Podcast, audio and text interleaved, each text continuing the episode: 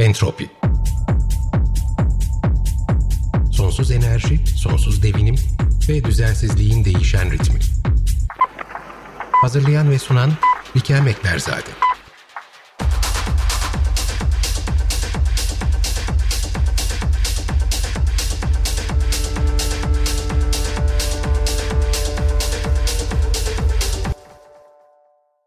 Bilim insanları bizi onlarca yıldır uyarıyor. Seçimlerimizde, hayat tarzımızda ve yeni global üretim biçimlerimiz çerçevesinde ödün vermediğimiz alışkanlıklarımızla iklimi değiştirdiğimiz, kaynakları geri dönüşümü olmadan tükettiğimiz, bindiğimiz dalı kestiğimiz konusunda onlarca yıldır uyarıyorlar. Karar vericiler de bu durumun uzun süredir farkındalar ve konuya hakimler. Lakin Hükümetler Arası İklim Değişikliği Paneli 1994 yılından bu yana yayınladığı aslen karar vericilere ve tabii ki kamuoyuna yönelik bilim tabanlı ve detaylı raporlarının hemen hepsinde iklimdeki değişimin ibarelerini, bu ibarelerin şiddeti ve yönünü bizlerle, hükümetlerle, sivil toplum kurumları ile düzenli olarak paylaşıyorlar.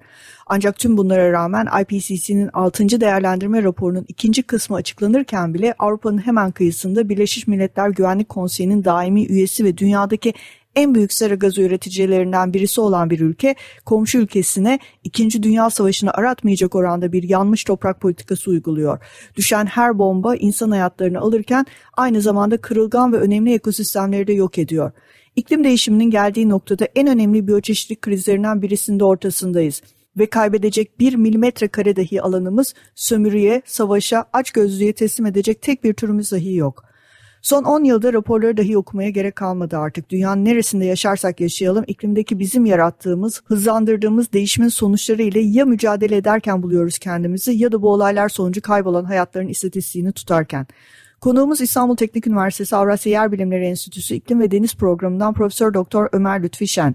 Kendisiyle son IPCC raporunu ve bu rapor açıklanmadan hemen öncesinde Konya'da gerçekleşen Türkiye'nin ilk iklim şurasını değerlendireceğiz. Bugün günlerden 7 Mart 2022 Entropi'ye hoş geldiniz. Ömer Hocam hoş geldiniz. Tekrardan Entropi'ye e, bu sizinle birlikte yaptığımız senelik programlarımızdan bir tanesi çok da güzel bir zamana denk geldi. Yani zamanlaması iyi oldu. Şöyle ki e, iki tane olay bir yandan Avrupa'da devam eden bir savaş var. Gene Avrupa'nın yakın sınırlarında bizim de çok yakınımızda başlayan ve süre gelen bir savaş var. Bu savaşın gölgesinde Hükümetler Arası İklim Değişikliği Paneli 6. değerlendirme raporuna girecek ikinci önemli raporu açıkladı. Bu tarihle birlikte aynı Türkiye'de de aynı zamanda bir iklim şurası gerçekleşti. Bu bildiğim kadarıyla yanlışsam beni düzeltin Türkiye'deki ilk iklim şurası e, ve Türkiye'nin acil e, iklim eylem planına e, yönelik çalışmaların yer aldığı ve neler yapılabileceğini bir yol haritasının çizildiği e, bu toplantının sonuçları ile ilgili Açık Radyo'da programlar yapıldı. Bunlar detaylı olarak konuşuldu. Ben bugün size şunu sormak istiyorum. Oradan da zaten sizden rica edeceğim. Bizi şu iklim değişikliği çerçevesinde gelişen uluslararası hem e, yapılan çalışmalar nezdinde biraz dolaştırın hem e, iklimle ilgili neler oluyor son zamanlarda yaşadıklarımız e, bize nasıl bir raporların yanı sıra bize nasıl bir yol haritası çiziyor biraz onları anlatın biraz da bu gelişmeler yani e, daha böyle hem yerelde hem de globalde açıklanan raporlar, yapılan bu çok yüksek sesle yapılmaya başlayan özellikle Hükümetler Arası İklim Değişikliği Paneli'nin yaptığı uyarılar çok fazla zamanımızın kalmadığı ve giderek bir şeyleri iyileştirebilmek için gereken o pencerenin giderek daraldığının uyarısını bize veren e, açıklamalar e, ne anlama geliyor, bizi neler bekliyor bir toparlarsanız çok sevinirim. Teşekkürler, iyi yayınlar dilerim. Öncelikle e, Hükümetler Arası İklim Değişikliği Paneli biliyorsunuz 1988'de kuruldu ve her 5-6 yılda iklim değişikliği ile ilgili değerlendirme raporu e, açıklamaya başladı. İlki 1990 yılındaydı. Oradan itibaren 95'te, e, 2001'de, 2007'de, 2013, 2014'te ve en sonuncu raporda geçen yıl e, kamuoyuna duyurulmaya başlandı. Şimdi bu IPCC dediğimiz Hükümetler Arası İklim Değişikliği değerlendirme raporlarını biraz anlamamız gerekiyor. Bunlar üç kısımdan oluşuyor genelde. E, birinci kısımda işte iklim değişikliğinin fiziksel bilim temeli e, çalışılıyor. Burada işte iklim nasıl değişti günümüze kadar ve gelecekte nasıl şekillenecek projeksiyonlar dahilinde bunlar ortaya konuyor. E, ikinci kısmında ise etki değerlendirme çalışmaları, kırılganlık analizleri ve adaptasyon konusu işleniyor. Üçüncü kısımda ise mitigasyon dediğimiz sera gazı salımının azaltılması ile ilgili ve finansman konuları ele alınıyor. Şimdi birinci kısım yani fiziksel bilim temeliyle ilgili kısım geçtiğimiz Ağustos ayında açıklanmıştı. Zaten en fazla ses getiren e, kısımda o olmuştu. Çünkü hemen e, böyle işte sıcak hava dalgalarının olduğu bir zamanda ve aynı zamanda e, sel ve taşkın olayların hem Türkiye'de hem dünyanın değişik yerlerinde Avrupa'da meydana geldiği bir zamanda kamuoyuna duyuruldu. Bu nedenle oldukça ses getirdi. Bu ikinci kısım yani ağırlıklı olarak sektörlere olan etkisini ve işte kırılganlık analizleri ve adaptasyon uyum politikalarını açıklayan kısmı geçtiğimiz Şubat ayının 27'sinde kamuoyuna duyuruldu. Ama biraz maalesef hani bu savaşa denk geldiği için e, yeterli ilgiyi göremedi. Üçüncü kısmı var bunun. Üçüncü kısmı e, mitigasyon. O kısım henüz açıklanmadı. Önümüzdeki aylarda açıklanacak. Şimdi bu ikinci kısım aslında önemli bir kısım. Yani neden önemli derseniz artık e, geldiğimiz noktada e, iklim değişikliği ile ilgili şüphe çok fazla kalmadı. İklimin değiştiği konusunda herkes hemen hemen hem fikir. Artık çözüm aşamasına geldik. Çözüm aşamasında da uyum politikaları ve mitigasyon dediğimiz sera gazı salımının azaltılması bu konular var. Bu konulara eğilinmesi gerekiyor. Bizim artık e, birinci kısım dediğimiz ve benim daha çok e, katkı verdiğim e, çalışmalarımızla katkı verdiğimiz kısım e, artık e, biz geçmişten günümüze yaptığımız çalışmalarla iklimin değiştiğini e, şüphe götürmez bir gerçek olarak ortaya koyduk. Bu kısımla ilgili artık e, çok fazla e, soru işareti kalmadı. Ama tabii bu e, uyum ve a, mitigasyon kısmında çünkü çözüm orada e, yapılacak e, çok şey var. E, önem, ağırlık bu tarafa doğru kaydı. Bir de hocam e, lafınızı kesiyorum ama bir de şöyle bir şey var. E, bu özellikle ikinci raporda e, dinleyicilerimizin de akıllarında bulundurması gereken bir şey. Sizin de söylediğiniz gibi birinci raporda zaten altı çizildi bilimsel olarak iklim değişikliğinin nelere yol açabileceği riskleri. Ama bunların yanı sıra e, çok önemli bir de e, vurgu artık daha ön plana çıkıyor. Artık biz buna iklim değişikliği değil antropojen kaynaklı yani insan kaynaklı iklim değişikliği demeye başladık. Çünkü doğal e, bir şekilde belki gelişecek ve gerçekleşecek iklimdeki değişiklikler zaman içerisinde zamana yayılan e, iklimsel değişiklikler artık insan eliyle daha da hızlandırılıyor ve biraz da e, bu hızla aynı zamanda belirsizliği de artırıyor öyle değil mi? Ve ikinci raporda da sektörlere olan etkisi e, ve daha doğrusu e, popülasyonlara, insan topluluklarına olan etkisi de örneğin indijen topluluklarda bunların içerisinde daha doğayla yaşayan insanlara ya da küçük e, adalarda yaşayan halklara bunun etkisi ne olacak biraz bunlar da detaylandırılıyor ama artık biz burada giderek daha artan bir şekilde antropojenik iklim değişikliğini, antropojen kaynaklı, insan kaynaklı iklim değişikliğini konuşuyoruz ve kabul ediyoruz bunu öyle değil mi hocam? Doğru. Ee, yani şu anda konuştuğumuz, bahsettiğimiz konu insan kaynaklı, insan faaliyetlerinden dolayı iklimde meydana gelen değişiklikler. Bu rapora göre de zaten bu raporda da ikinci kısmında yani vurgulanıyor. Mesela artan sıcak hava dalgaları, işte kuraklıklar ve seller bitkilerin ve hayvanların tolerans sınırlarını çoktan aşarak işte ağaçlarda ve mercanlarda e, toplu ölümlere neden oluyor. E, bu aşırı hava olayları eş zamanlı olarak meydana geliyor ve e, yönetilmesi giderek zorlaşan kademeli etkilere de neden oluyor. Yani bunların bir arada meydana gelmesi son yıllarda e, giderek daha çok karşılaştığımız bir olay. Mesela geçen yaz biliyorsunuz Türkiye'de e, yangınlar, orman yangınları meydana geldi. E, bu orman yangınlarından önce uzun süreli bir süren bir kuraklıktan bahsediyoruz.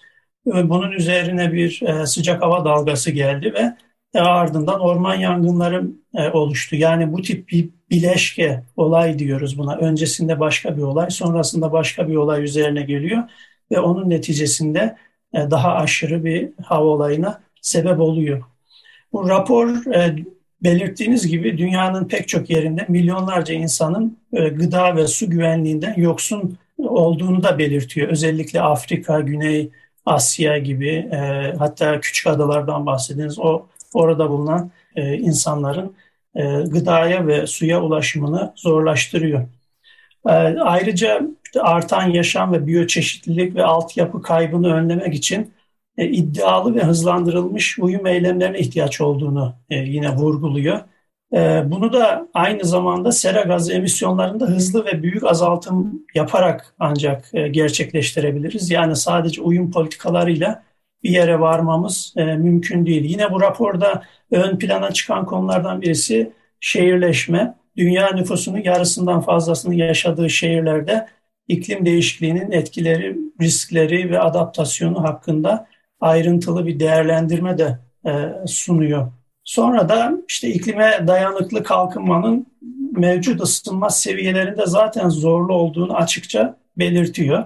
E, küresel ısınma 1,5 dereceyi geçerse bu daha da zorlaşacak. Yani iklime dayanıklı kalkınma gerekiyor. Bu 1,5 dereceyi geçmemiz durumunda daha da zorlaşacak. Yine bu rapordan bir e, çıktı sonuç. Hatta 2 derece aşılırsa o zaman dünyanın bazı bölgelerinde bu imkansız hale geliyor. Yani böyle de bir durum söz konusu.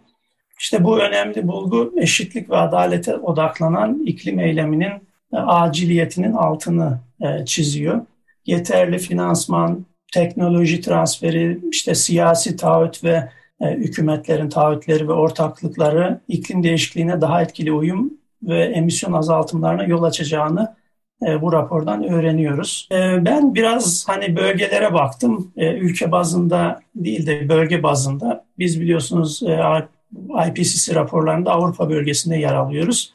E, buradaki önemli riskler vurgulanıyor. Nedir bunlar? E, beşinci raporda da bir kısmı vardı zaten yani bir önceki raporda. Mesela kıyılarda ve nehir havzalarında sel ve taşkın olaylarından dolayı insanlara, işte ekonomilere ve altyapılara yönelik riskler. Bu, bu önemli. Mesela geçtiğimiz yaz Almanya'da ve o civardaki ülkelerde çok sayıda insanın öldüğü e, sel ve taşkın olayları yaşandı. Türkiye'de yine öyle. Türkiye'de de ee, evet hocam aynı evet. şekilde e, ve şey yani, aynı zamanda biz e, hem Avrupa'nın Avrupa içerisinde yer alıyoruz hem de aynı zamanda Akdeniz havzasında yer alıyoruz ve evet. Akdeniz ekosistemine ve Akdeniz iklimine de geniş oranda e, Türkiye'de maruz kalıyoruz demiyorum da gözlemliyoruz. Yani onun içerisinde yaşıyoruz ve bu, bu da tabii kendi içerisinde mevsimselliği getiriyor. İklimdeki değişim ve mevsimlerin e, geçişlerindeki değişimler de bizim yaşadığımız alandaki e, göreceğimiz e, belki bu şiddetli hava olaylarını ya da şiddetli doğa olaylarını diyeyim çünkü sadece havayla sınırlı kalmıyorlar. Daha da e, sık ve daha da etkisi geniş alanlara yayılacak ve yüksek oranlarda gözlemleyeceğiz belki. E, ne dersiniz? Evet yani Yine bu hani risklerden bahsederken e, yani artan sıcaklıklar ve sıcak hava dalgaları nedeniyle ölümlerin artması, işte karasal ve denizel ekosistemlerde bozulmalar. Bu mesela önceki raporda bu şekilde bir risk olarak Avrupa için vurgulanmamıştı ama bu raporda var. Yine e, su kıtlığı biliyorsunuz özellikle Türkiye'nin güney yarısı Akdeniz havzası genel itibariyle bütün ülkeler su kıtlığına maruz kalacak ve kalıyor ve kalacak gelecekte. Yine bileşke sıcak hava olayları ve kuraklık ve ekstrem hava olaylarından dolayı tahıl üretiminde kayıplar yaşanacağı önemli riskler olarak e, vurgulanıyor. Bu bizim bölgemiz işte Avrupa Akdeniz bölgesi için e, bunu söyleyebiliriz. Buna bunlarla ilgili de ee, bazı çözüm önerileri de tabii sunmuşlar. Hani adaptasyon seçenekleri diyelim. İşte bunlar nedir? Mesela kara ve deniz ekosistemleri için işte entegre kıyısal bölge yönetimi e, gerekli. İşte orman tabanlı adaptasyon e, öneriliyor. İşte ormanlaştırma, işte restorasyon, koruma gibi orman, entegre orman yönetimi gibi sürdürülebilir e, akvakultür, balıkçılık gibi e, biyoçeşitlilik yönetimi ve ekosistem bağlılığı. Yani bu ekosistemler biliyorsunuz işte yollar geçiyor birbirinden kopuyorlar. Bu bağın tekrar e, sağlanması lazım. Aksi takdirde işte biyoçeşitliliği azaltıyor. Evet. İşte su kullanımı verimliliği, su kaynakları yönetimi gibi şehirlerde yeşil altyapılar, ekosistem servisleri, işte sürdürülebilir arazi kullanımı ve kentleşme planlaması gibi. Yani bu, bu, bu şekilde bir sürü böyle adaptasyon seçenekleri de sunuluyor. Bunlar hani bil, bilmediğimiz şeyler değil. E, Hatta bir ölçüde e, Türkiye'de de aslında bunlar geçmiş yıllarda ta ki terk edilene kadar birçoğu kullanılmış yöntemler. Yani bizim e, örneğin bu e, orman yangınları döneminde sıklıkla konuştuğumuz orman köylüleri ya da işte e, ormanların içerisinde artık kullanılmayan altı hale gelmiş gözlem kuleleri, yangın gözlem kuleleri bunların yerleşimleri yani orada bulunmaları ama kullanılmıyor olmaları, hava destek filomuz vesaire. Yani bunları aslında bir yandan da hani Türkiye olarak bizim ülke olarak e, elimizin altında daha önce kullandığımız ve başarılı olmuş yöntemlerden zaman içerisinde e, çeşitli yerel ya da ulusal politikalar nezdinde ayrılınmış olması, uzaklaşılmış olması da aslında bizim üzerimizdeki riski belki biraz daha yükselten faktörlerden bir tanesi oldu. Şimdi bu Şubat ayında da Konya'da bir şura yapıldı. Buradan evet. çıkan sonuçları basından dinleyicilerimiz izlemişlerdir mutlaka. Dediğim gibi Açık Radyo'da burada da yer verildi ve çok tatminkar sonuçlar da çıkmadı açıkçası.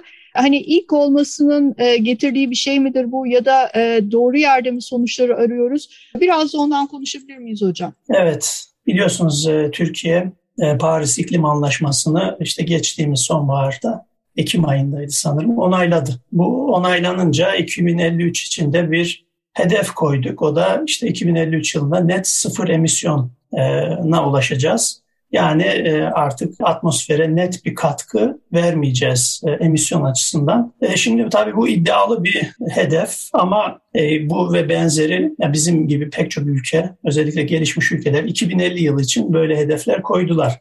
Bazı ülkeler 2060, bazı ülkeler 2070 için benzer hedefler koydular. Bizimki 2053 yılı için. Şimdi bu hedefe ulaşmamız için bir yol haritasına ihtiyacımız vardı. Yani bunu nasıl gerçekleştireceğiz? Bu kolay bir iş değil. Bu nedenle de bir iklim politikasına ihtiyacımız vardı. Yol haritası olan iklim politikası nasıl olacak? E, bu biliyorsunuz bazı e, indisler var. İşte ülkeleri iklim değişikliğiyle mücadelede sıralama yapıyor. Böyle bir indis e, geçtiğimiz aylarda yayınlanmıştı. Türkiye'nin en önemli eksikliğinin o ülkeler arasında sıralama yapılınca altlarda kalmasının en önemli sebeplerden bir tanesi e, iklim politikasının olmamasıydı. İklim politikasından zayıf not alıyor. Ama e, mesela ye, e, yenilenebilir enerji konusunda pek çok e, ülkeden hatta Avrupa ülkelerinden daha ileride. Fakat iklim politikası önemliydi. Aynı zamanda iklim politikası yani e, finansmana ulaşmak için de e, önemli. Yani bu e, hedefe nasıl ulaşacağız? Paraya ihtiyaç var. Bu paraya ulaşabilmesi için Türkiye'nin de böyle bir iklim politikası e, olması gerekiyordu. Bu, bu nedenle sanırım geçtiğimiz aylarda e, işte Çevre Şehircilik ve İklim Değişikliği Bakanlığı'nın başkanlığında böyle bir iklim şurası düzenlendi. E, bu şurada çeşitli komisyonlar oluşturuldu. Bunlar mesela iklim değişikliğine uyum, sera gazı azaltımı, yeşil finansman ve karbon fiyatlama, işte yerel yönetimler, göç, adil geçiş ve diğer sosyal politikalar gibi farklı e, komisyonlar vardı. Ve sonradan TÜBİTAK da bu şuraya dahil olarak e, Bilim ve Teknoloji Komisyonu'nu oluşturdu. Ben de o komisyonda e, yer aldım. E, hatta e, çevrim içi toplantılar düzenlendi. Yani Konya'ya gitmeden önce e, politika önerileri ve her bir politika önerisi için için e, eylem önerileri açısından e, hani onlar ne olacak şeklinde çevrim içi toplantılar düzenlendi benim olduğum gruba e, siz de katıldınız. Hani orada gayet demokratik bir ortam vardı. Herkes fikrini Evet, gerçekten belirtti. konusunda yetkin evet. e, bilim insanlarının yer aldığı ve dediğiniz gibi fikirlerini e, özgürce sunabildikleri ve aslında toplamında da gayet herkesin hani bir şekilde bir ucundan tuttuğu ve katılım sağladığı bir öneriler grubu çıktı ortaya. Ve bu önerilerde sizin daha sonra Konya'da katıldığınız e, şurada sunuldu. Öyle değil mi? Evet orada ilk üç gün yine e, bu komisyonlar kendi aralarında toplandılar ve o politika önerilerini ve eylem önerilerinin üzerinden tekrar tekrar gidildi, düzeltildi, değiştirildi. Bunu ama e, çevrim içi yapanların, yani çevrim içi toplantılara katılanların bir kısmı yine orada yaptı. Ben de orada yine Bilim ve Teknoloji Komisyonu'nda olmam hasebiyle yer aldım. Orada e, herhangi bir hani olumsuzluk yoktu. Yine e, bizim söylediklerimiz, şek- söylediğimiz şekilde yani komisyon kararları şekillendi. Tabii dördüncü gün e, bu komisyon kararları yuvarlak masa toplantıları yapılıyor. Burada artık e, genelde komisyonlarda yer alanlar değil de işte üst seviye bürokratlar, bakan yardımcıları seviyesinde katılımcıların tartıştığı bir ortam sunuyor yuvarlak masa toplantılarında. Ee, en son kararlar orada tekrar ele alındı. Sanırım orada bazı maddelerde değişiklikler yapılmış, eklemeler yapılmış. Ee, özellikle tabii kömürden çıkış konusu e, medyada en fazla yer aldı. Çünkü 2053 yılına e, hedefine ulaşabilmek için kömürden e, bir şekilde kurtulmamız lazım. E, genel kanı düşünce bu şekilde ama buna yönelik bir karar alınmaması biraz hayal kırıklığına yol açtı. Yani bir tarihte verilmedi. Hatta bu toplantıda Konya'da gençlik bildirgesi okundu. Yani toplantıya yaklaşık 209 üniversitemiz var sanırım. Her üniversiteden temsilci, öğrenci temsilcisi katıldı. 200 küsür kişi. Onlar e, bir araya geldiler ve çünkü gelecek onların yani kömürden çıkılmasını istediler. Bunu herkesin önünde de gelip okudular. 2030 yılına kadar kömürden kömürden çıkılması talep edildi bu arkadaşlar tarafından, genç arkadaşlar tarafından. Ama maalesef e, bu şura kararlarında yer almadı. Alınan kararda da şöyle işte kömürden elektrik üretiminde işte karbon yapa, yakalama, işte depolama ve teknolojilerin değerlendirilmesi ve desteklenmesi yer aldı. Yani kömür kullanacağız ama onu biraz daha temizleyeceğiz atmosfere e, sera gaz, e, gaz salımı yaparken temizleyeceğiz şeklinde bir madde yer aldı. Yani başka tabii e, pek çok madde var. Sadece hani o değil.